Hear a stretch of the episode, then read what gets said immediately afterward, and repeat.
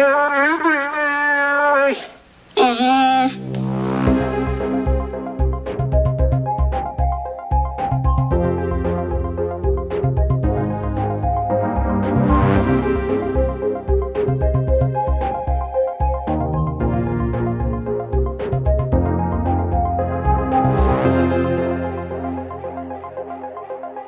Avgrundsåret 2020 närmar sig äntligen sitt slut och vi här på Podemap skulle vilja bjuda upp på en liten helgspecial.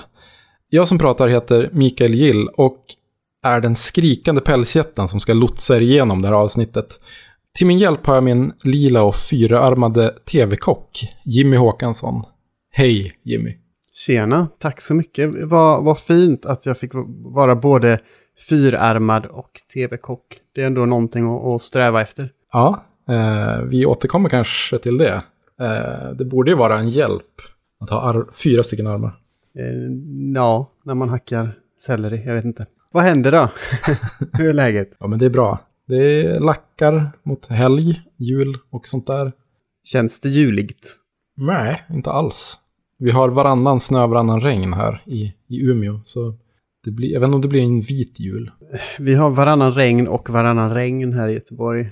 Så, mm. Nej, vi har faktiskt inte, det har inte varit så regnigt eh, som det brukar vara i Göteborg. Men det är liksom grått och deprimerande. Som året i övrigt. Men det är ju det är ett bra intro tycker jag. Eh, när man har en podd. Att man pratar om vädret. Det känns som att vi kan vår dramaturgi. Här. Uh. Efter elva avsnitt så sitter det verkligen. Ja, fantastiskt.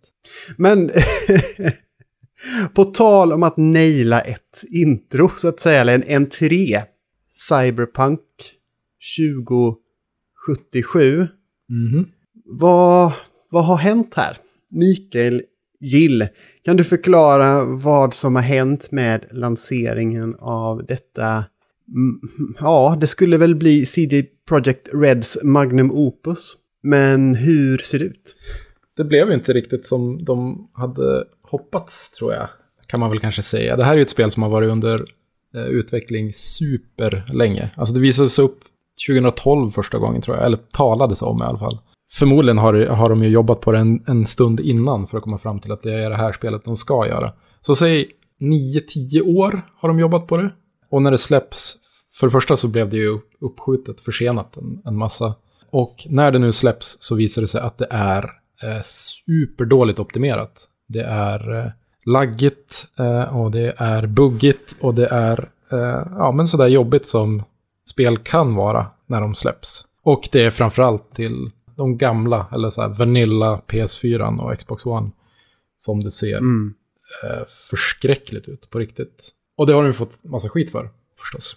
Och det var, precis, det var väl lite det som var grejen, att de hade skjutit upp lanseringen för att de stod inför den här äh, Herkules-uppgiften att släppa ett kolossalt spel till alldeles för många plattformar och att det är ioner i, i tekniska skillnader mellan de här olika plattformarna. Mm. Men det kan ju inte vara en överraskning för dem att de skulle släppa spelet till PS4 och Xbox One. För det är väl det de har jobbat med i princip hela tiden kan jag tänka mig. Ja, givetvis också PC då som grund, plattform möjligtvis. Ja, det borde ju vara det som är deras target plattform eftersom det också är flest spelare där. Installationsbasen är ju otroligt mycket mindre på de nya konsolerna förstås. Så att de har eftersatt de versionerna så mycket är ju fruktansvärt dåligt. Och det tyder ju på, framförallt skulle jag säga, fruktansvärt dålig eh, planering. Höga ambitioner och dålig planering och någon som bara inte säger nej. Och jag, jag, jag ömmar så mycket för de som har jobbat på det här, som liksom har lagt så många år av sitt yrkesverksamma liv och sen blir det så här. De hinner liksom inte klart med det. Det är uppenbart att det inte är ett färdigt spel. Eh, nu försöker de liksom ja, men hantera den här krisen som de, de har på sina, sina händer med att säga att ja, men det kommer patchar i februari och januari och, och vi ska bara liksom andas ut över julen och sen börjar vi jobba igen. Men sånt här förstör ju förtroendet otroligt mycket. Och dessutom så slet de väl som små illrar för att överhuvudtaget få ut det här spelet. CD mm. Projekt Red har ju gått ut och sagt att vi ska inte cruncha med det här spelet. Och det gjorde de i slutändan. Mm. Och sen så släppte de ett spel som uppenbarligen inte var helt färdigt. Och nu hamnar de ju i samma situation igen. Du som har följt det här kanske med lite mer... Ja, du, du har följt det betydligt bättre än vad jag har gjort. Vad är det för buggar vi snackar om här? Det är allt möjligt. Alltså, förutom att det är ljus och skuggor som blinkar och har, och har sig. Jag har ju spelat lite, lite grann av det här. Inte upp, upptäckt några superbuggar själv, men det man har sett är ju liksom eh, bilar som flyger runt, fiender som blir osynliga och blinkar och eh, ja men superlåg framerate är ju ett generellt problem på de äldre plattformarna. Att det går knappt att spela. Och det här är ett spel där man ska liksom sikta på saker och skjuta i actionsekvenser. Det är ospelbart för många. Liksom. Jag såg en twittrare som hade lagt ut en film där han var ute och körde bil i Cyberpunk och så skrev han någonting i stil med Ja, jag försökte, eller jag ansträngde mig för att inte köra in i de andra bilarna. Men det visade sig sp- inte spela någon roll. Och så bara körde han in och givetvis igenom de övriga bilarna. Och det var ju lite, lite smålustigt. En annan grej som är lite så här barnslig kanske, men lite småkul, är ju att man kan ju justera storleken på de nedre regionerna. Och om man väljer en eh, av manligt kön och eh, drar upp det reglaget så mycket man kan så kan lustigheter hända eh, med just könet, att det sticker ut ur ens byxor. Så att man blir en eh, ofrivillig blottare tack vare de här olika buggfunktionerna. Ja. Ja, ja, en, en hel del. Men nästan roligast var ju när de jämförde 2018 års eh, trailergrafik med 2020 års Playstation 4-realitet. Mm. Och det var någon som hade ljudsatt detta med det här introt när man kommer till Jurassic Park. Mm. Där den här gamla gubben säger någonting att åh, här har jag byggt en park, den är fett nice. Och sen så kom, jag vet, det är inte exakt de orden använder, men typ. Och så kommer den här pampiga Jurassic Park-musiken som är så otroligt fin. Och, och sen så klipper de till Playstation 4-grafiken. Och, och så är det någon som framför den här Jurassic Park-grejen med typ, jag vet inte, en jävla visselpipa. Melodika. En melodika. ja, det kanske. Ja, det är det kanske. Ja, jag tyckte att det var lite... Det är så jävla kul. Alltså det är ju mitt absolut roligaste klipp på hela internet. Eh, för det finns ju en, lik, likadan, lik, en likadan för No Man's Sky. Där de gjorde samma sak. Där de gjorde en så här, Ja. så här ska det se ut. Eh, så här blev det. Och då är det den här bli, bli. så det, det är så fruktansvärt kul. Jag har inte sett Cyberpunk-versionen, men jag blir jätteglad bara av att det finns en sån. Ja, det är väldigt gulligt. Men på tal om ehm, det här eh, No Man's Sky. Mm. Nu har jag inte på fötterna här, men någonting fladdade förbi mig nyhetsledes. Att, eh, vad heter han? Han som är liksom autören i princip bakom No Man's Sky och liksom Hello Games-studion. Han i varje fall. Att han och teamet då antagligen blivit belönade i samband med den här, eh, vad är det för någonting som har nyligen delats ut? Eller någon sån här pris, spelpris tjolahoppsan. Game Awards kanske. Ja, det var det säkert. Och då har de väl fått någon sån här pris för att de har jobbat så väldigt hårt för No Mm. Man's Sky. För det var ju ett spel som råkade ut för någonting snarlikt som Cyberpunk. Det lovades guld och gröna skogar och mer till. Och sen så Mm. var det inte så mycket av vare sig det ena eller det andra. Nej, men där, där tycker jag, alltså det är ju lite, lite samma sak. Alltså förmodligen ambitioner och pepp som har slagit över och så har man lovat för mycket. Det känns mer okej när det handlar om Hello Games som är ett litet företag, eller var det i alla fall, än när det är CD Projekt Red som är liksom helt enormt och som ganska, har ganska douchig liksom, närvaro och har gjort flera liksom, klavertramp redan med, med marknadsföringen av Cyberpunk och Witcher är också ett så här lite halvrisigt spel. Jag vet inte, jag har, jag har svårare att, att, att ömma ändå för CD Projekt-ledningen än vad jag har, har för Hello Games. Ja, absolut. Men jag tänkte fråga dig, du som ändå jobbar med att göra spel och har varit eh, närvarande i lansering av ett och ett annat. Hur känns det? Hur, hur är det att släppa ett spel? Vad, vad är det som liksom passerar i revy när man gör detta? Ja, jag har ju jag är ju en nybörjare. Jag har varit med och släppt två stycken spel och också haft turen att få ändå ganska positiv feedback. Eh, det har varit ganska lyckade släpp. Eh, det ena spelet släppte vi också på E3 samtidigt som vi utannonserade det. Så där fanns det som inte riktigt samma så här, marknadsföringsprocess kring det. Men ändå så är det fruktansvärt nervöst. Alltså det är någonting du har suttit och jobbat på i två, tre år bakom slutna dörrar som ingen har fått se. Och så ska du helt plötsligt släppa iväg det. Och så ska vem som helst få spelare att tycka till om det. Och, och det är ditt, din bebis liksom. Det, det, är ditt, eh, det är ditt. Och nu eh, tappar du kontrollen över det. Det är supernervöst. Jag tror att det är något av det, det värsta och sen också det bästa när det, när det blir lyckat. Som jag varit med om i, i arbetsväg. Problemet också med, med, med sådana här fel och sådana här äh, issues som de har haft med sitt spel, det är att man får inte reda på dem när man släpper spelet. Och spelet, när det släpps, har det varit... Du har inte kunnat göra så mycket med det på kanske en månad, för att det går igenom en massa, så här, äh, massa processer med, med Sony och Microsoft till exempel. Så du gör så mycket du kan för att göra ett så bra spel som möjligt, så optimerat som möjligt. Eh, men det kommer till en punkt där du inte kan göra mer. Där du måste släppa ifrån dig det. Mest troligt så har du vetat om att ah, men vi kommer förmodligen ha blinkande bilar som man inte kan krocka med. Vi kan inte göra någonting åt det. Vi valde istället att lösa de här och de här problemen. Och så får vi hoppas att ingen märker det här. Men det är ju rätt intressant i hela den här eh, kvalitetssäkringsprocessen.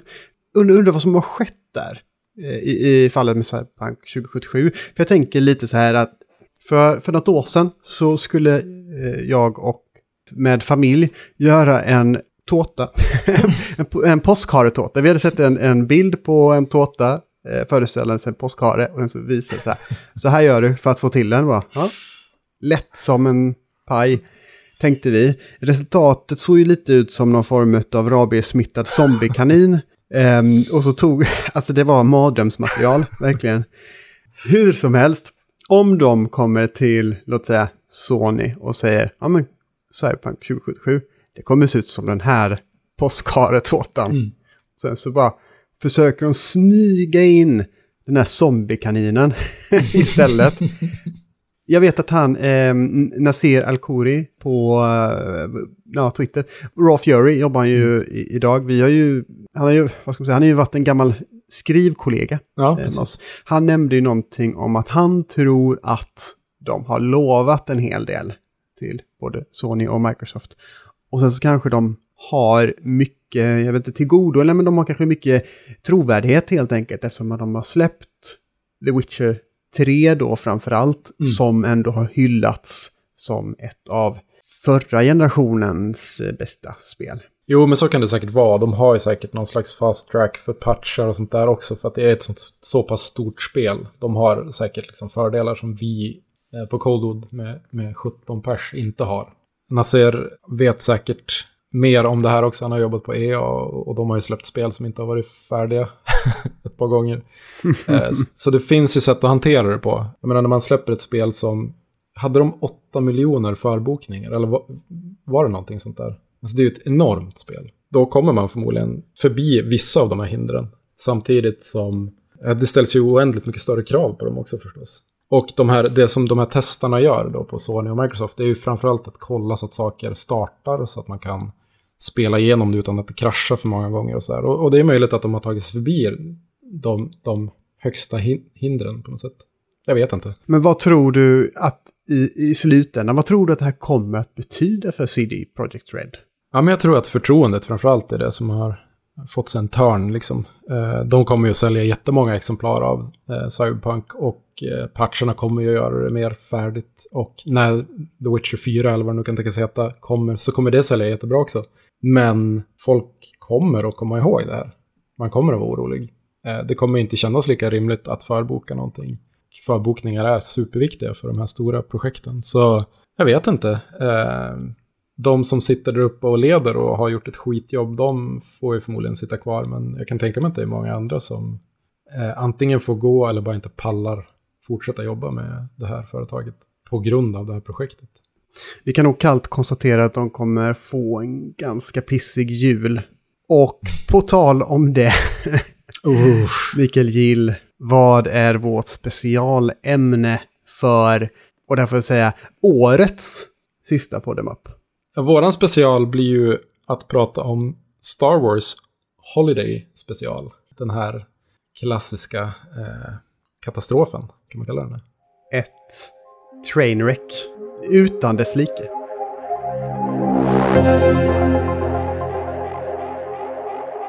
När de bästa julspecialerna genom tiderna ska listas så kan det uppstå en del diskussioner. Är communitys julrap bättre än Seinfelds Festivus? Till exempel. Men när den allra sämsta julspecialen ska utses så tycks ju alla vara överens faktiskt. För högst upp på skitgranen tronar inget mindre än Star Wars Holiday Special. Och vad förtjänar världens sämsta år om inte världens sämsta julspecial? Ja, jag skulle vilja tacka dig först och främst Jimmy för att du tvingade mig att göra det här. Som, verkligen som kronan på året. Jag har levt i 42 år utan att se den här filmen. Men självklart ska du få mig att göra det. det, det jag tog en kula för laget, känner jag. Kan du förklara dig Va- varför? Jag, jag kände så här att vi måste snacka om Star Wars Holiday Special. Och vad är bättre än Star Wars Holiday Special special inför jul? Så att alla kan liksom bara avsluta det här året på ja, motsatsen till toppen då. Alltså verkligen slå rätt ner i, i, i botten. Mm. Och vad ska, vad ska man säga om Star Wars Holiday Special? Till grund och botten så är det ju en faktisk historia. Att det handlar om att Han Solo och Chewbacca ska ta sig till Chewbaccas familj för att Chewbacca ska fira Life Day. Det som sker precis i början är att de blir beskjutna av ja, Star Destroyers och, och TIE Fighters i en scen som, ja, mm, det ser ut, det ser inte riktigt ut som på filmerna. Det ser lite ut som någon sån här B-roll-film. Eh, För det håller ju, det in, håller inte lika hög kvalitet som filmerna, absolut inte. Men det håller avsevärt mycket högre kvalitet än det som komma skall.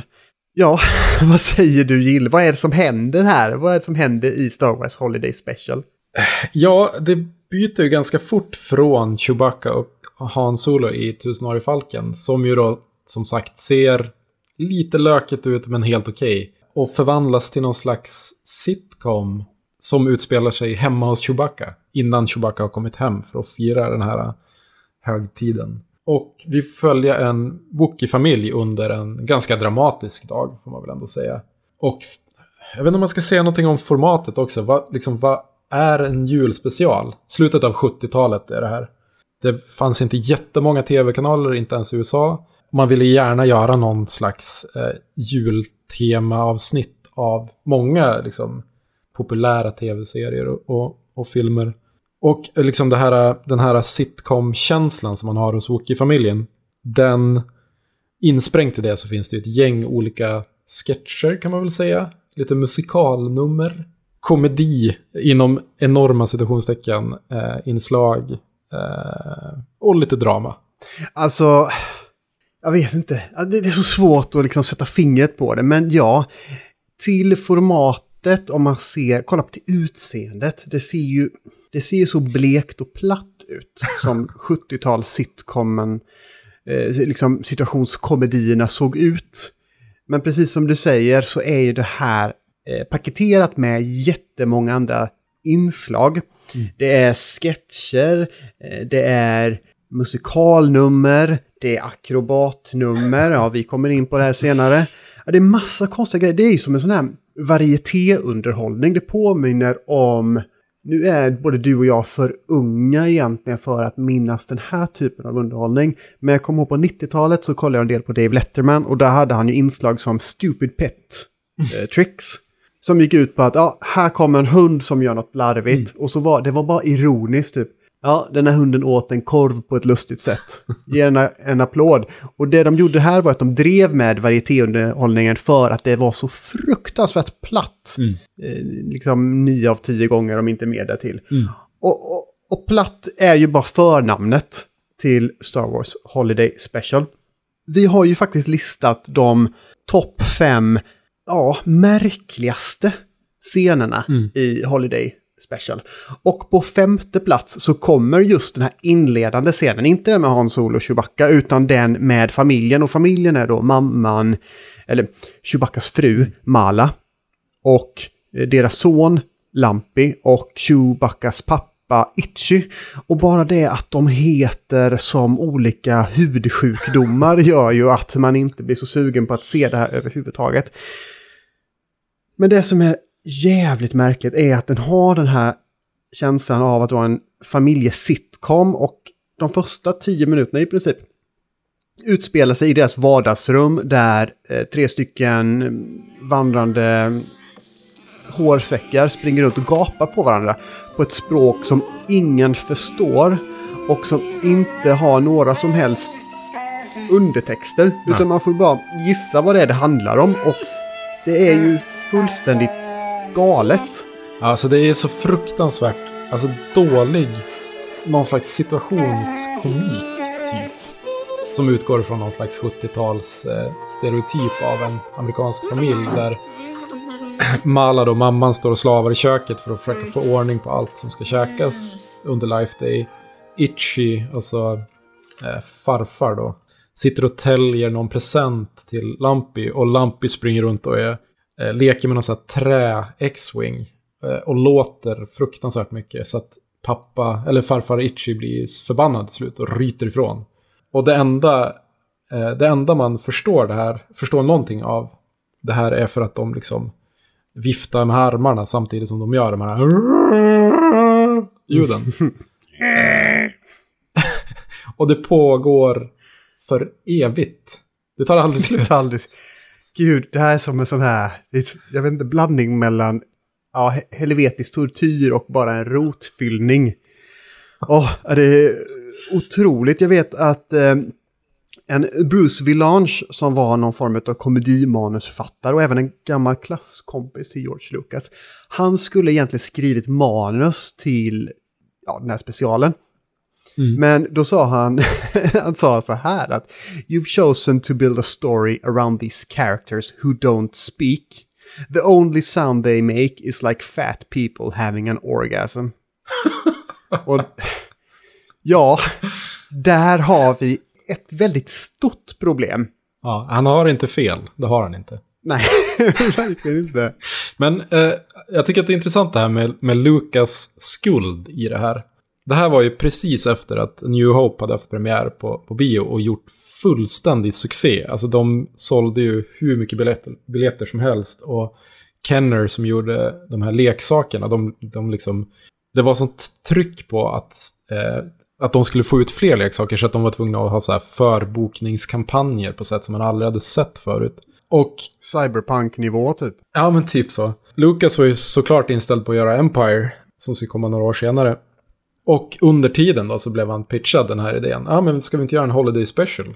Och som jag förstår det så fick, eh, så, så sa liksom första draften av den här, det här manuset var baserat på någon refuserad idé från A New Hope, där hela filmen skulle ha börjat med att någon berättar för ett Wookie-barn om den här otroliga, de här otroliga händelserna i Stjärnornas krig.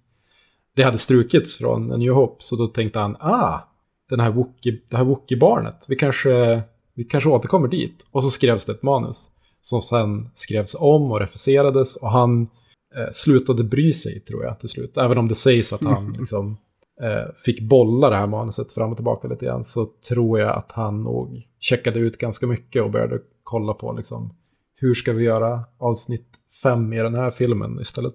Ja, det är verkligen tragiskt. Jag har antecknat här antal ljussabelstrider. Noll. Och det tycker Ja, det jag är ganska talande för hela Holiday Special. Verkligen. För om man, om man tittar på specialen som sådan, det den faktiskt går ut på är att den här jävla Wookie-familjen tittar på olika skärmar i en timme och 37 minuter. Ja, det är utan reklampauser också. Det är otroligt provocerande. Jag, jag, man, man, kan ju se framför sig hur man själv skulle ha varit liksom, om man satt och kollade på det här. Bara, Åh, snart kommer ett rymdskepp, snart kommer en stormtrooper och så gör uh, typ aldrig det. det kommer bara konstiga grejer. Och, och, det för ju oss in på uh, nummer fyra på den här listan, märkliga saker. som ju egentligen är den första, liksom, första sketchen, om man ska kalla det för det, i av, eller filmen. Och det är en så här hologram-cirkusföreställning, typ. Itchy, alltså farfar tar fram någon slags kassett eller någonting och, och stoppar in i, i familjens hologramspelare i vardagsrummet. Och så blir Lampy helt förtrollad av ja, någon slags eh, cirkör, cirkuscirkör-personer som jonglerar och, och tutar i tutor och ja, det, det, jag vet inte, det är inte superimponerande. Det är, kanske, kanske att det var, såg lite coolt ut för den tidens tv, jag vet inte. Ja, precis. Jag funderar på det. Hur akrobatiska är de egentligen? Jag hade lite svårt att fokusera på verkshöjden där. För det enda jag mm. funderade på var om jag hade tagit ayahuasca som vi talat om förra gången. Och att jag hade några sådär superhallucinationer. För det här är ju så märkligt. Och de ser ju ut som sådana här små Umpa som du vet. Mm. Eh, från Kalle chokladfabriken. och mm, tekniken så att säga som används här är ju samma som används i den här um, schack, lilla schacksekvensen. I, är det A New Hope? Jag kommer inte ihåg vilken film det är. Mm. Där det är eh, coola monster som slår ner varandra och det är bara någonting litet som man bara ser i förbifarten, mm. men som ändå öppnar fönstret till en magisk värld på något sätt. Mm. Och det gjorde du ju där. Ja, det här är, jag vet, alltså jag vet inte vad jag ska säga. Det, det är ju över, jag har skrivit tre minuter lång. Var det bara det? Plus min. Ja, exakt. Jag vet inte exakt om det var tre minuter, men cirka. Men det kändes ju kändes det som tre minuter, Mikael Gill? Nej, inte en chans. Alltså det, det, enda, det enda nöjet jag fann i det här, det var ju att titta på Lampus minspel. Som är helt, helt obetalbart. Alltså det är, det är klart att jag förstår att man kan inte göra så mycket miner i, i den här masken som det här barnet, eller lilla vuxna eller vad det nu är, har på sig. Men det är, det är helt galet. Jag, jag, jag eh, kommer kämpa för att, att hitta någon slags eh, GIF eller video eller någonting som vi kan förmedla det här via. Jag kan säga så här, jag, jag har jag har använt Google för att uh, söka upp detta. Du behöver inte kämpa. Du kommer hitta det tämligen omgående. Um, på tal om miner som kommer att förfölja mig resten av mitt liv. Itchys underbett. Vad i helvete händer där? Ja, det är, det är ju gammal. absolut sjukast. Ja, men det är inget försvar för... Alltså det är ju, han ser ju ut som en, han ser ut som en sån handdocka, eller som en liten strumpa men är två meter lång på något vis. Ja, ja, ja. det är ja, mardrömsmaterial, minst sagt. Fram tills dess att Disney köpte upp hela Star Wars-universat och kastade ut allting som inte var filmerna, så att säga, i ur kanon. Mm. Så var ju det här, det här var kanon. För de har ju paketerat det på det sättet att det här är en del av Star Wars-universumet. Vilket är Ja, alltså det är ju väldigt märkligt. Så man fattar ju att George Lucas med vänner har velat begrava det här eh, längst ner i Marianergraven. För, till exempel så finns det en sekvens som är supermärklig, men också en av de bättre inslagen tycker jag i, i hela specialen. Mm. Och det är en sån tecknad filmsekvens. Där liksom Chewbacca, Han Solo, eh, Luke Skywalker, C-3PO och R2D2 är med. Eh, och Lampi tittar givetvis på den här för han tittar på en skärm. Det fanns, begreppet skärmtid fanns inte då. Och de tittar på det här och, och det, finns, det är liksom så här lördags, liksom 70-tals lördagstecknat i princip. Mm. Och då börjar man, börjar man undra, finns, finns det lördagstecknade serier om rebellerna i universumet? Är det, är det kanon nu? Det är otroligt, otroligt metamärkligt. Precis, det är ju... Jag tänker på eh, scenen i Annie Hall där Woody Allen vänder sig mot kameran och talar direkt till tittaren. Det är ju den nivå på meta, eh, jag vill säga, bryta fjär, fjärde väggen på något vis, fast de är förmodligen för koksade för att fatta att det är det de gör. Ja. Alltså det är ju ah. otroligt intressant. Eh, vi återkommer väl kanske till den tecknade filmen där, men jag tänker på eh, den här specialen. Det var ju eh, 1978 släpptes den, eller hur? Mm. Eh, det var ju en av de dyraste julspecialerna någonsin. Den kostade en miljon dollar att göra. Eh, och en miljon dollar 1978 var väldigt mycket pengar. Och ändå var det här det de fick ut av det. Det har varit ganska många spekulationer att merparten av budgeten gick till kokain. Och jag vet inte om det är ett skämt eller om det ligger någonting i det. Ja, det är ju en, en ursäkt om inte annat. Alltså, bara det att det fortgår, det är hur långt som helst och ingenting av kvalitet sker överhuvudtaget. Det antyder ju att det inte riktigt finns ett manus att jobba med. Nej. Att de har adlibbat det mesta och bara inte gjort några omtagningar, bara låtit det rulla och, mm. och, och, tagit första bästa tagning i princip. Men du sa ju det att första sändningen var 1978 mm. och grejen är att det, sändes november 17 november 1978, mm. alltså en vecka före Thanksgiving. Mm. Så Star Wars Holiday Special har kallats för en julspecial, men det är egentligen ingen julspecial. Nej, det är ju en helgspecial snarare. Och sen försökte man väl... Jag vet inte om tanken var att man skulle branda om det till att bli en julspecial senare. Det är ju märkligt, en märklig timing på det, absolut. Och det är väl lite så att eh, de säger ju aldrig Christmas, vilket det är väl det smartaste de gör, den jävla specialen. För då fattar man att ah, men det är i alla fall inte samma solsystem som eh, vårt. Det nämns Life Day och, och saken är att det är inte första gången, eller jo det är första gången som Life Day nämns, men det är inte sista gången som Life Day nämns. För i The Mandalorian, den här Star Wars-serien som går på eh, Disney Plus, mm. där har faktiskt en karaktär nämnt i förbifarten att eh, han ville vara ledig på Life Day så att han kunde åka hem till sin familj. Och det är ju en direkt referens då till mm. Star Wars Holiday Special. För det är ju precis det Chewbacca kämpar för. Det är ju det som är hela, hela storyn. Det är hisspitchen. Och det finns inte så mycket mer att jobba med än just hisspitchen i, i det här fallet. Nej, det är, det är spännande. De är ju ganska bra på att nicka till gamla saker och liksom lite så här fanservice på så sätt. Men det intressanta är ju att Holiday Special har ju aldrig... Det sändes på tv där i november 78. Och sen har det aldrig, det har aldrig varit något återtryck. De har aldrig släppt det på Blu-ray eller DVD eller någonting sånt här. De vill ju bara döda den här grejen. Det finns ett citat som, det är lite oklart om det är sant, från George Lucas, där han säger typ Om jag hade en slägga och jättemycket tid så skulle jag, se, eh, skulle jag leta reda på alla kopior av den här filmen och slå sönder dem. Precis. Ett annat citat, jag vet inte om det var citat, men det är i alla fall, de, de säger att Carrie Fisher har sagt att hon skaffade sig en kopia av inspelningen som hon visade upp på fester. när hon ville att gästerna skulle gå hem. Jättekul. Och det är ju nästan det är nästan det roligaste som eh, Holiday Special har lyckats åstadkomma. På tal om saker som inte är roligt i Holiday Special.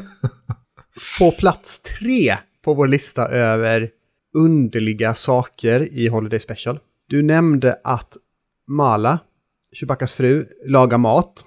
Och när hon gör det, då tittar hon på en skärm. Hon tittar på ett matlagningsprogram. Och där har vi den där karaktären som du eh, refererade till i introt. Den lila, fyrarmad och ja, märklig tv-kock helt enkelt. Och Mikael, vad, vad, är, vad är det som händer? Alltså det är otroligt konstigt. Jag vet inte riktigt om det här, den här karaktären ska vara en utomjording eller en robot eller någonting. Men det känns som att någonting slår slint i huvudet på den här kocken som försöker laga mat eventuellt inte kan laga mat eller liksom stupfull när hen försöker göra det. Men eh, man slänger i, man, man hackar kött, slänger i en bunke och sen ska man börja röra och, och slå. Och så är det som hen sjunger en sång. Eh, och så försöker Mala liksom Mm. hänga med i den här sången. Stir, stir, beat. Ja, whip, whip, whip, stir, whip, whip, whip, stir. Och det är här humorn kommer in, för det visar sig att den här kocken, som det ser ut som att hen bara har två armar, men helt plötsligt har hen fyra armar och Mm. sysslar med någonting. Vilket då, då, då är poängen då att det här är för svårt att laga om du inte har fyra armar. Men det finns ju ingenting i receptet i sig som insinuerar att det är svårt, utan det är bara att kasta ner stora sjok med grejer och så snurra. Ja. Och så, det- är så dåligt och det, det tar aldrig slut. fyra Det tar minuter. aldrig slut. Fyra minuter. Känns inte som fyra minuter. Nej, känns inte som fyra Alltså allting känns ju som 20-30 minuter. Det tar ju så fruktansvärt lång tid allting. Och det är ju för att ingenting händer. Nej. Det är som att titta på en GIF-animation hur länge som helst. Ingenting sker. Alltså jag ska ändå vara ärlig nu. Jag tycker att det här var lite kul. När- när, hon, eller hen rör runt i den här bunken, håret, liksom frisyren lossnar och, och det bara blir vansinne. Då, jag, jag skrattade till lite grann. Jag vet inte om det är okej att Oj. erkänna det, men... Ja, förlåt. Ja, jag, jag skrattar inte en endaste gång under, under de här hundra, eh, hundra åren. ja, en timme och... Jag tror det är en timme och 37 minuter. Ja. En sak, en grej har jag skrattat till. Och det har egentligen ingenting med själva specialen i sig att göra. Grejen är att det här visades ju i Sverige på kanal 2 den 31 maj 1979. Jättekonstigt. Ja, det är jättemärkligt. Men det, det här, det här vi får liksom betalningen. För vad he- hette den på svenska? Eh, Stjärnornas krig och fred, eller hur? Ja. Exakt! Stjärnornas krig och fred. Det är för, det är för fan genialt. Det är ju helt otroligt bra. Alltså, Ja, det kan vara det bästa. det är det absolut bästa med allt det. Ja, men Jag tänker också att så här, de som sänder i USA, det var 13 miljoner tror jag som kollade på den här eh, när den gick. Alla, alltså 100% blev besvikna är jag helt övertygad om. Jag har inga officiella siffror på det. Men eh, liksom ett halvår senare, då bestämmer sig Sveriges Television för att ja, det är nog en bra idé att sända den här grejen ändå. När liksom resten av världen har insett att bara, det här tar vi inte i med tång. Vi sänder det på våran enda, eller våran andra tv-kanal. Nu har vi sagt väldigt mycket hur dåligt det här är. Mm. Och då vill jag veta, vad är det bästa? Jag omformulerar mig. Vad är det minst dåliga med Holiday Special? Eh, ja, men det är väl... Jag försökte ändå göra en liten lista på saker som jag tyckte var minst dåliga. Och En lista! först Oj. på den... ja, det var, det, var, det var en kamp kan jag säga. Eh, och det är ju inte bästa saker, utan det är minst sämsta som sagt. Men det som jag tycker att man bör lyfta när man pratar om det här är ju att det här är första gången som Boba Fett eh, gör ett framträdande. Och det är ju den här animerade filmen som du pratade om, som, som Lumpy sitter och tittar på. Prisjägaren Boba Fett var ju inte med i A New Hope, eh, utan kom först i nästa film. Men här teasades han och eh, han hjälper, vilka är det nu? Det är Luke och, ja, Han Solo och Chewie som han hjälper. Jag minns inte exakt. Ja, var. precis. De... Han Solo och Chewie kraschlandar på en planet. De ska hitta någon grej. Han Solo hänger upp och ner i ett rep i Millennium Falcon av anledningar ingen riktigt vet. Men de ska hitta någon sak, jag kommer inte ihåg vad. Eh, och, och så kommer då... mm, Just det, så kommer Luke och C-3PO och R2 kommer dit för att rädda dem. Och det som jag tycker är intressant här, utöver att det här är första gången Boba Fett är med. Boba Fett snackar ju Mm. i den här eh, animerade filmen. Det, och, det, och det gör han ju vanligtvis inte. Nej, precis. Han är ju inte känd för att vara en talker. Nej, och han är också vänlig. Is he though? Aha. ja, det är såklart att han, han Eh, allt är ju en plott. Han är, samarbetar ju med Darth Vader redan där. Eh, men till en början, det första man får se av honom är att han rider på någon slags eh, eh, dinosaurie typ som han är ganska taskig mot. Som äter elektronik. Eh, och så vill han hjälpa Luke och robotarna att ta sig till Han Solo eh, och Chewie. Jag håller med om att det här är en av de minst dåliga grejerna i hela specialen. Det är ändå inte särskilt bra. det är det Nej, inte. nej, det är det inte. Jag kommer ju heller inte riktigt ihåg vad det handlar om. Men jag kommer ändå ihåg att ja, men den innehåller ju de elementen som kännetecknar en berättelse i alla fall. Och det finns ju, det finns ju inget annat i den här specialen som påminner om en berättelse. Ja, det är ju en ganska alltså, ambitiös animerad eh, film. Ja, men en, en kort film liksom där Harrison Ford har gjort rösten till hans solo. Alltså det, det är rätt röster. Det är ändå helt okej animerat i, den, i samma stil och av samma studio som eh, gjorde de här uh, Droids-filmerna och Evox-serien. Det får du förklara lite vad det är för någonting. Ja, men det är spin-off-serier som kom senare, i mitten av 80-talet tror jag. Det var de släpptes. Eh, jag minns inte exakt, men... ehm, Och när du säger att det är ganska bra så får man ändå poängtera att det är 70-talstecknat. Det är Mm. så bra 70-talstecknat blir, vilket är ganska risigt. Nej, och det, det håller ju inte alls...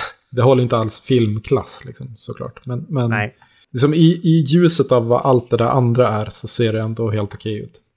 En annan grej som håller ganska hög kvalitet jämfört med mycket annat i specialen, men som är helt sjukt malplacerat är, ja, vad då Jill? Det är ju så här att på... Den här familjen sitter och väntar på Chewie. Eh, de får ju påhälsning av Imperiet. Det kommer stormtrupper och imperieöverordnade dit och ska söka igenom hemmet eh, efter Chewie. De misstänker att det finns en Chewie, eller att Chewie bor, bor där. och då finns det också en, eh, en sleazy affärsman som kommer och häl- hälsa på och ska hjälpa till så att de här imperietrupperna inte sätter dit Mala och den andra, resten av Chewies familj. Och det han gör då bland annat är att eh, ställa upp någon slags, eh, det ser ut som en symaskin typ, som man fäller ut en sida på och så gör han massa konstiga eh, tv-försäljar-moves som ska vara roliga också. Det är humor. och så sätter han en, sätter en av de här imperiesoldaterna framför den här skärmen då, eller hologramportalen, eller vad man ska kalla det. Och så eh, är det som en musikvideo med bandet Jefferson Airplane, eller Starship, eller vad de nu hette. Precis, de heter nog Jefferson Starship, vilket är det enda passande i det här sammanhanget. För det man undrar, om man kan liksom sätta ihop ett och ett, är vad i hela friden gör de i Star Wars-universum? Hur kommer det sig att ett band, ett faktiskt band, som finns på planeten jorden, uppträder i Star Wars-universat? Ja, det är Det jättekonstigt. är helt, helt makalöst. Och det är också väldigt, låten är ju väldigt 70-tal. Mm. Eller väldigt, så här, väldigt sent 70, tidigt 80. Det är liksom in, eh, sniffar på den här yacht rock-genren. Alltså inte helt värdelöst, tycker jag. Nej. Fram, framförallt så tycker jag att idén att ta det här, det här har ju sagt gjorts tusen gånger redan, men att ta det här formatet och göra en nutida musikvideo av det är ju en geniidé. Gör det om du har ett band. Liksom. Det skulle ju se svinkul ut. Och liksom Daft Punk eller vilka det nu kan vara har ju säkert gjort det redan. hade kunnat bli en fantastisk Daft Punk-video. Ja. Och lägga in lite special, lite syntar där så hade det kunnat vara en, eh, liksom en nutida Daft Punk-låt också. Exakt, de bara samplar allting och kör, gör sin egen låt av det. Men det är ju konstigt att han sitter där och tittar på det här ganska länge och jag tycker att det är lite trevligt och glömmer bort att han ska söka igenom Wookie-hemmet efter eh, rebell-ledtrådar eller bevis för att de ska vara rebeller. Eh, men det är ju bara liksom en i raden av konstiga saker som Lampi ska ju bygga någon slags sändare som man ska få kontakt med, med Chewie och Han Solo genom, eh, tror jag. Eh, och då kollar han på en jättelång tutorial.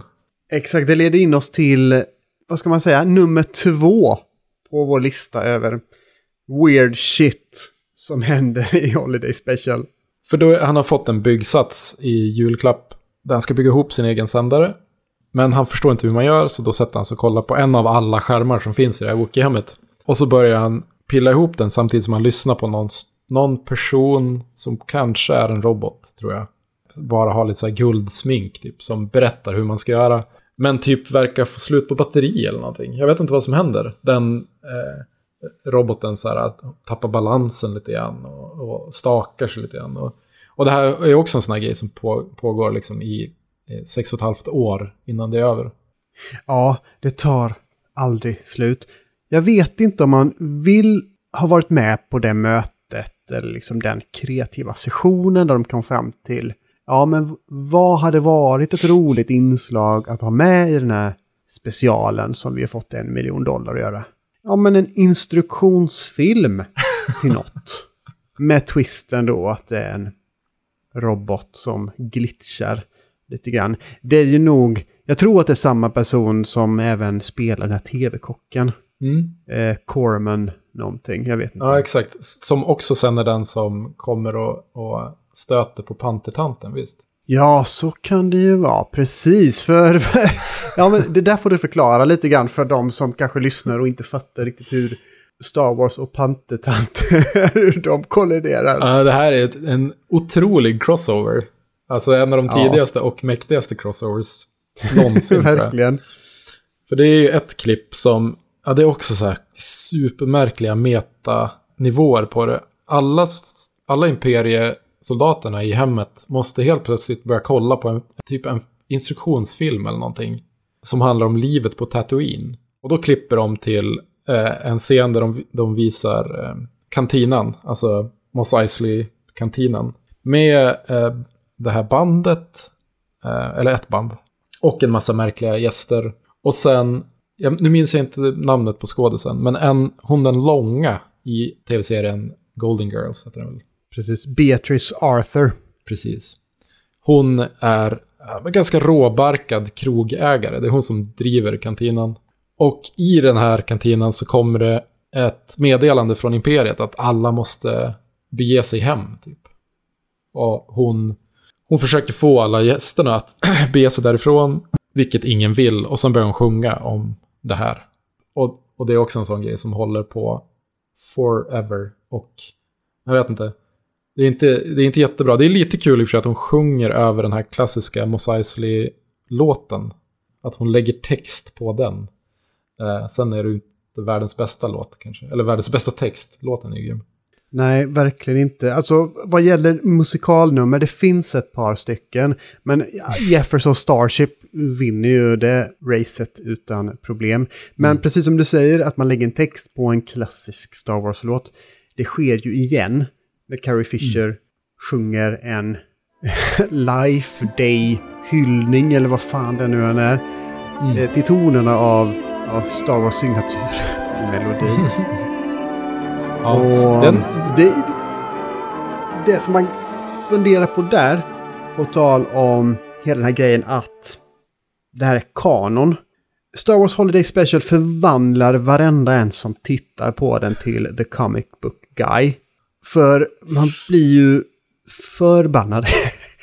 Hur kommer det sig att Star Wars signaturmelodi är en del av Star Wars-universum. Hur kommer det sig att de känner till den?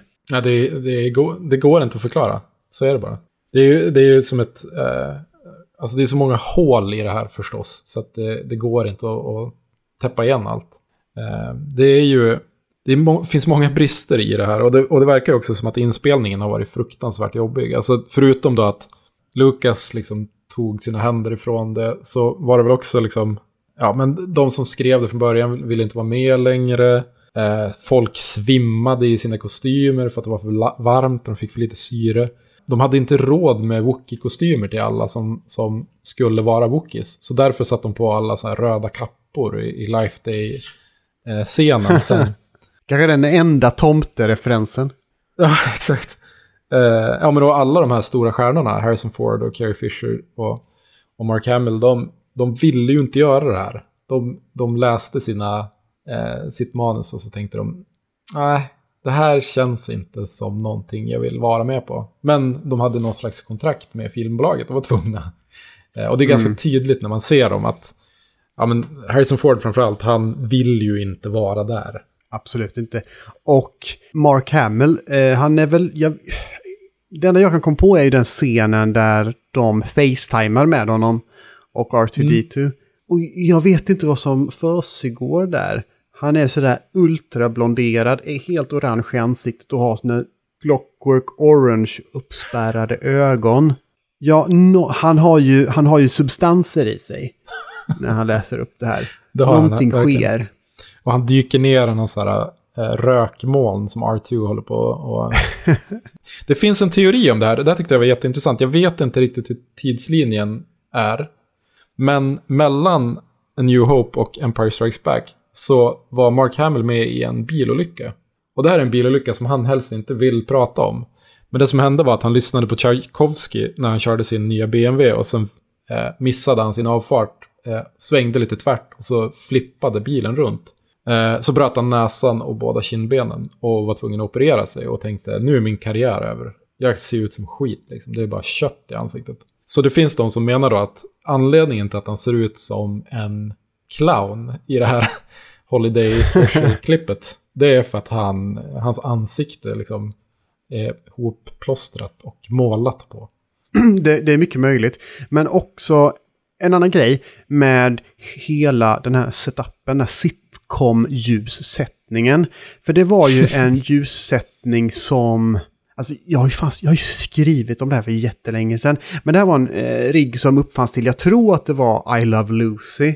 Som, det gick helt enkelt ut på att man bara har... Man bara dränker allt som finns på scen i ljus. Vilket gör att det knappt finns några skuggor, det finns inget djup i bilden, det finns ingenting. Men allting är jävligt tydligt. Och anledningen till varför man gjorde detta var för att kamerorna på den tiden kunde inte fånga upp, tv-kameror kunde liksom inte fånga upp de här liksom svarta nyanserna. Jämför med till exempel, eh, och, och även en, en tv-skärm då, jämför med, låt säga ett Game of Thrones-avsnitt där det är där de kan ha en hel scen som är enbart är ljussatt med ett stearinljus. Anledningen till att man kan göra det är för att man har jävligt avancerade kameror och oftast jävligt avancerade tv-apparater. Men way back när man var tvungen att anpassa inspelningen till skit-tv-burkar så var ju allting tvunget att liksom bara dränkas i ljus. Så det, ju, det kan ju också vara en anledning till varför allting bara ser ut som avföring. Verkligen. Jo, de filmade med en potatis och tittade på det genom en bajskorv. Så det är som, det blir vad det blir lite grann. Men innehållet var ju inte värt någonting mer än bajs. Nej, verkligen inte. Och det leder oss fram till absolut konstigaste som sker i hela Holiday Special. Och det finns ju en scen där Chewies pappa Itchy får en sån här Life Day-present. Och det är ju någon form av VR-hjälm av något slag. Och han tar på sig den här och börjar kolla. Och vad är det han tittar på? Om inte lite gammal härlig mjukporr. Det är provocerande och det är vidrigt och det är motbjudande. Alltså det är sjukt att vi har spelat in det här avsnittet, hållit på så här länge utan att prata om det. För det här är alltså beyond eh, obehagligt, tycker jag. alltså, Ja, han, eh, verkligen. det är ju en kvinna då som, en människokvinna som eh, pratar med honom på, med, på ett väldigt sensuellt sätt. Och samtidigt så klipper de liksom till hans eh, underbett där han sitter och stånkar typ. Och, och hon säger någonting, jag minns inte exakt vad hon säger nu, men att hon tycker att han ser gullig ut eller någonting. Och då är det som att han hittar så rewind-knappen på VR-hjälmen och spolar tillbaka så hon säger du ser så gullig ut. Eh, fyra, fem gånger. Hon säger ju, hon säger ju grejer som insinuerar eh, ganska mycket. Och det är ganska uppenbart vad det handlar om. Och han stönar och stånkar och, och har sig. Och det, är ju liksom bara en jävla porrfest det där. Nej, det är ju vidrigt. Det är så... Jag förstår Alltså, inte. jag- De hade ju ingen manusdoktor. Doktor, det var ingen som läste igenom manus. De bara körde ju. Ja, det är bara höft, skjut från höften hela tiden. På, här är det ju den, den sämsta formen att skjuta från höften. Eh, också. Skjut från skrevet. Skjut från skrevet, exakt. Oh, yes. I can feel my creation. I'm getting your message. Are you getting mine? Oh, oh. We are excited, aren't we? Well, just Jag relax. kan ana vad du tycker om Holiday Special, men är den värd att se? Jag tror inte att jag tycker det. Alltså kompletister i mig tycker ju att det... Eller tycker jag att det känns bra när jag har gjort det. Nu kan jag säga att jag har sett den. Men jag hade aldrig sett den om inte du hade sagt att vi skulle göra det här avsnittet. Eller haft det som förslag. Liksom. Eh, jag, har, jag har undvikit den länge och, och ganska länge för att jag inte visste att den fanns. De försökte ju tiga ihjäl den ganska länge känns det som. Men också, det finns oändligt mycket Star Wars-material där ute. Jag tycker jättemycket om mycket av det. Jag avskyr en hel del av det. Jag jag är inte så brydd om att se allt eller läsa allt. Nu tror jag bestämt att jag har sett botten på den här tunnan med saker som de har. Ja, det, det var en erfarenhet kanske. Jag kanske blev rikare på något sätt, men jag kommer inte tacka dig för det. Det känns inte som man har blivit rikare. Nej, absolut inte. Jag förlorade tid, jag blev äldre, jag kom närmare döden och så vidare. vad, vad tyckte du liksom? Vad, vad tyckte du? Fanns det någonting som du kommer ta med dig från det här som, ett, som något positivt? Jag brukar tycka att det kan vara roligt att se riktiga haverier. Och det här är ju ett riktigt haveri. Mm. Men till skillnad från ja, filmer som The Room exempelvis eller Plan B from Outer Space så finns det inget här som är så dåligt att det blir roligt. Utan det är bara så dåligt att det blir sorgligt. Mm. Så nej, det här är inte värt att se. Varför gjorde vi det här? Ja, Jimmy, det är dags för eh, årets sista gillar-segment. Vad, vad är det sista? Det sista du gillar 2020? Det sista jag gillar med 2020 det är en grej från 1978. Det är lite roligt med just Holiday Special. Du frågade, finns det någonting med det här som var bra? Och jag sa nej. Och det stämmer inte riktigt. För det här fick mig att tänka på en helt fantastisk Star Wars-relaterad grej som också hände 1978. Och precis som jag nämnde att Carrie Fisher sjöng till Star Wars-titelmelodin så gjorde även Bill Murray det i ett inslag på, jag tror det var Saturday Night Live, det måste varit Saturday Night Live. Ja, han gjorde någon form av cocktail loungig Star Wars-sång. Och den är, ja, den är helt fantastisk. Jag vet inte om jag någonsin sett någonting och hört någonting så skärmigt som just den här sången. Ja, det är helt otroligt. Och den är ungefär en, ja, och den, och den är en minut lång ungefär.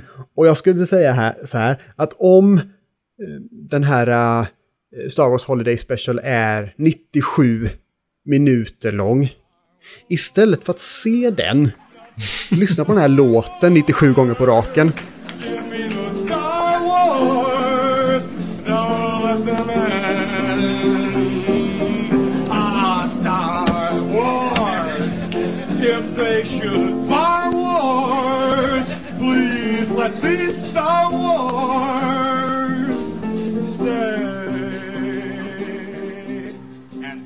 Så det gillar jag och ja, jag gillar även att, eh, ja, nu, nu kommer en liten plugg här. Jag gillar att Jönköpings-Posten kommer att publicera en av mina noveller nu i, till mellandagarna. Så det är lite roligt. Fan vad roligt. Va, vilken, vill du berätta något om novellen? Ja, vad ska jag säga? Den heter Det står en kvinna på taket. Jag vet inte vad, vad jag ska berätta om den. Det, det handlar om en, ett tak som det står en kvinna på. Vad gillar du då, Jill? Jag gillar en sak som jag är jätte... Jag visste att jag skulle gilla den. Och jag gillar den jätte, jättemycket ändå. Det är nämligen så att irländska animationsstudion Cartoon Saloon har släppt sin nya film eh, Wolfwalkers på Apple Plus, heter det så? Deras eh, eh, prenumerationstjänst. Det är i alla fall en tecknad film som utspelar sig i staden Kilkenny i Irland som handlar om en liten flicka som flyttar dit med sin pappa från England.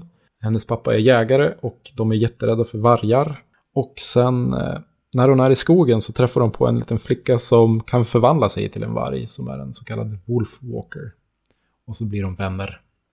Och precis som vanligt när det handlar om Cartoon Saloon-filmer, de har gjort Song of the Sea och Secret of Kells tidigare till exempel, så är det helt otroligt vackert animerat och, och stilen är, alltså jag, det, det är, man vill ha varenda filmruta på, på liksom i ram på väggen, för det är så jävla fint. Eh, och sen är det en jättefin berättelse också som eh, jag tycker att alla borde titta på. Det låter, det låter ju väldigt trevligt. Wolfwalker, jag, jag kan inte riktigt bestämma mig om jag tycker att det låter väldigt häftigt. Eller om det låter som en person som har liksom tejpat på två färger på varsin fot. Som någon form av tofflor. Jag vet inte. Sån humor har jag. Så sku, det skulle min Wolfwalker-film handla om. Det skulle vara väldigt kort också. Ja, men tack Jimmy för ett eh, 2020 som jag tycker att du eh, och din röst i alla fall gjorde lite lättare. I och med att vi gjorde den här podden. Detsamma. Det här har ju ändå varit någon form av medicin till hela den här inte träffa vänner överhuvudtaget det här året. Eh, året. Verkligen. Det här har varit en, en ljuspunkt i, i tillvaron. Att eh, varannan helg ha ett eh, gött tjat. Ja, ja det var det fint. Jag, jag tycker vi ska fortsätta med det, men vi väntar till nästa år och vi tar en liten paus. Jag vet inte vad det betyder riktigt, men vi vilar, vilar i kapp lite grann. Det låter ju som en alldeles, alldeles utmärkt idé. Och eh, medan vi gör det så kan ju de som lyssnar på oss följa oss på våra sociala kanaler, som det heter. På Twitter och Instagram där vi heter @podemapcast. Och så kan man ju även sprida Podemap-evangeliet till den mån det går. Man kan ge det som en present, en julklapp, Underbar idé. ett poddtips. Ett USB-minne kanske. Det hade ju varit eh, finfint. Fan, vi borde ha gjort kassettband och skickat ut. Oh, det hade varit, eh, det hade varit läckert. Det har ju eh, Niklas Kärreskog som har gjort eh, vår, jingel. Han har ju gett ut liksom riktig musik, eller vad man säger, så här, skivbolagsmusik fast på kassettband. Och det är ju så jävla läckert. Det är hippt. Otroligt hippt. Det är ju, ah, det är anledningen till att vi inte har gjort det. ja, men du, tack så hemskt mycket för det här och god jul, gott nytt år. Och så hörs vi snart igen. Det gör vi definitivt. Fan vad härligt. Ha det gött nu. Hej då!